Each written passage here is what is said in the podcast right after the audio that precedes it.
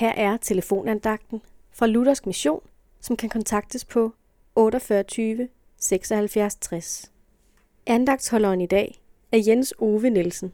I 2. Peters brev, kapitel 3, vers 9, står der, Herren er ikke sen til at opfylde sit løfte, sådan som nogle mener, men han har tålmodighed med jer, fordi han vil, at ingen skal gå fortabt, men at alle skal nå til omvendelse.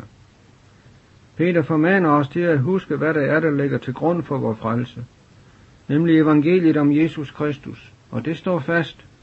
Det er ikke et forgængeligt håb, men et uforgængeligt håb, vi bygger på. Også selvom nogle vil sige, som der står i samme kapitel, vers 4, hvad bliver der af løftet om hans komme? Siden vores fædre døde, er alting jo blevet ved at være, som det var fra skabelsens begyndelse. Når Jesus endnu ikke er kommet, så skyldes det, at der stadig er nogle, som vil lade sig frelse. Det er ikke fordi Herren nøler, men han har tålmodighed med os, fordi han vil, at alle skal frelses. Og så må vi heller ikke glemme, at for Herren er tusind år som en dag.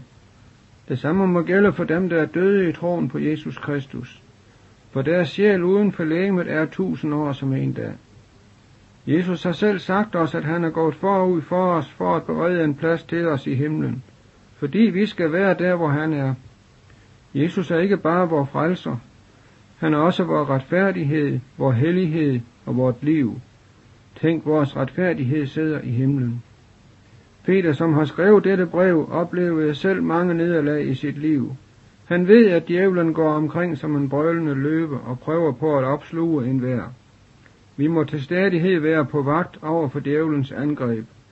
Men når vi bliver i Jesus, så vil han også selv udruste os, styrke os og grundfæste os i troen på ham. Amen.